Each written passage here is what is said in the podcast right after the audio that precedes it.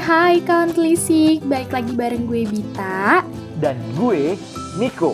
Di podcast ini ya Ruang Telisik, tahu linguistik, pasti pasti asyik Gimana nih kabar kawan telisik yang ada di rumah? Semoga baik-baik dan sehat selalu ya Akhirnya, kita bisa berjumpa lagi nih ya, Bit. Bareng kawan telisik semua di hari ini. Iya bener banget, gue tuh udah gak sabar banget nih kak Buat menghibur kawan telisik yang ada di rumah Eh, semangat banget deh lo hari ini. Harus tetap semangat dong untuk menghibur kawan telisik ya Meskipun hati lagi gak begitu semangat Lah, kenapa sih? Lo lagi galau ya? Iya galau banget nih Gak sih, ya lumayan galau lah Ya udah, sebelum lo ngelanjutin galaunya, mending lo keep dulu deh. Nanti kita cerita lagi nih. Oke deh, buat kawan telisik yang penasaran kenapa gue lagi galau Jangan ke mana-mana, dengerin terus podcast ini sampai selesai Gimana gimana? Sini sini sini. Kayaknya lo harus cerita sama gue deh. Aduh, sebenernya gue juga males sih bahasnya Dan kenapa mesti diingetin juga kalau gue lagi galau Kan malu ya sama kawan telisik yang ada di rumah Hmm, kalau gitu biar gue tebak deh. Pasti cowok ya? Kok lo tau sih? Kayak itu sih salah satu alasannya Lo cenayang ya jangan-jangan Lah, bukan cenayang. Tapi pakar cinta. Ya, ya gue sebel banget. Emang dasar mayoritas cowok itu buaya. Lah, kok buaya sih yang disalahin? Ya gimana nggak buaya coba? Udah punya satu, masih pengen nyari yang lain. Gak puas gitu punya satu doang.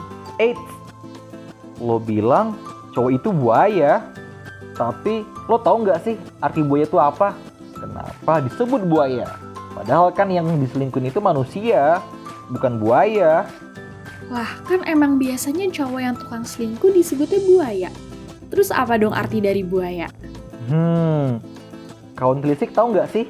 Dalam kehidupan nyata, buaya tuh termasuk salah satu hewan yang setia banget. Masa sih? Terus istilah buaya yang sering dipakai buat cowok yang tukang selingkuh tuh asalnya dari mana? Nanti dulu. Nih, biar gue jelasin satu persatu ya. Biar kawan telisik pun juga pada ngerti nih. Oke deh. Buaya dianggap setia karena dalam kehidupan nyata, kesetiaan buaya jantan diwujudkan dengan cara selalu melindungi pasangannya serta telur mereka dari predator gitu loh. Selain itu, faktanya buaya juga cuma kawin sekali seumur hidup meskipun nanti pasangan sudah mati duluan. Oh alah, jadi kayak gitu. Oh iya kak, lo pernah juga gak sih lihat pernikahan adat Betawi?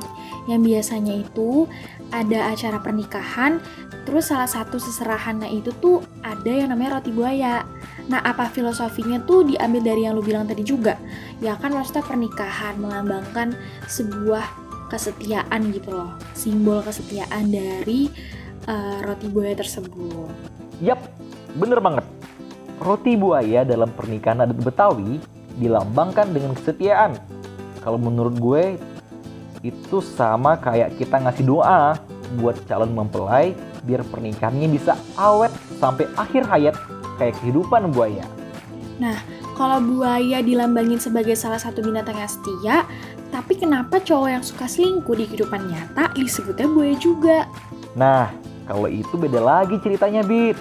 Gimana tuh ceritanya kak? Pasti kan kawan telisik juga penasaran kan sama ceritanya dan biar kita tuh bisa gitu loh bedain mana artinya buaya yang simbol kesetiaan, mana yang enggak.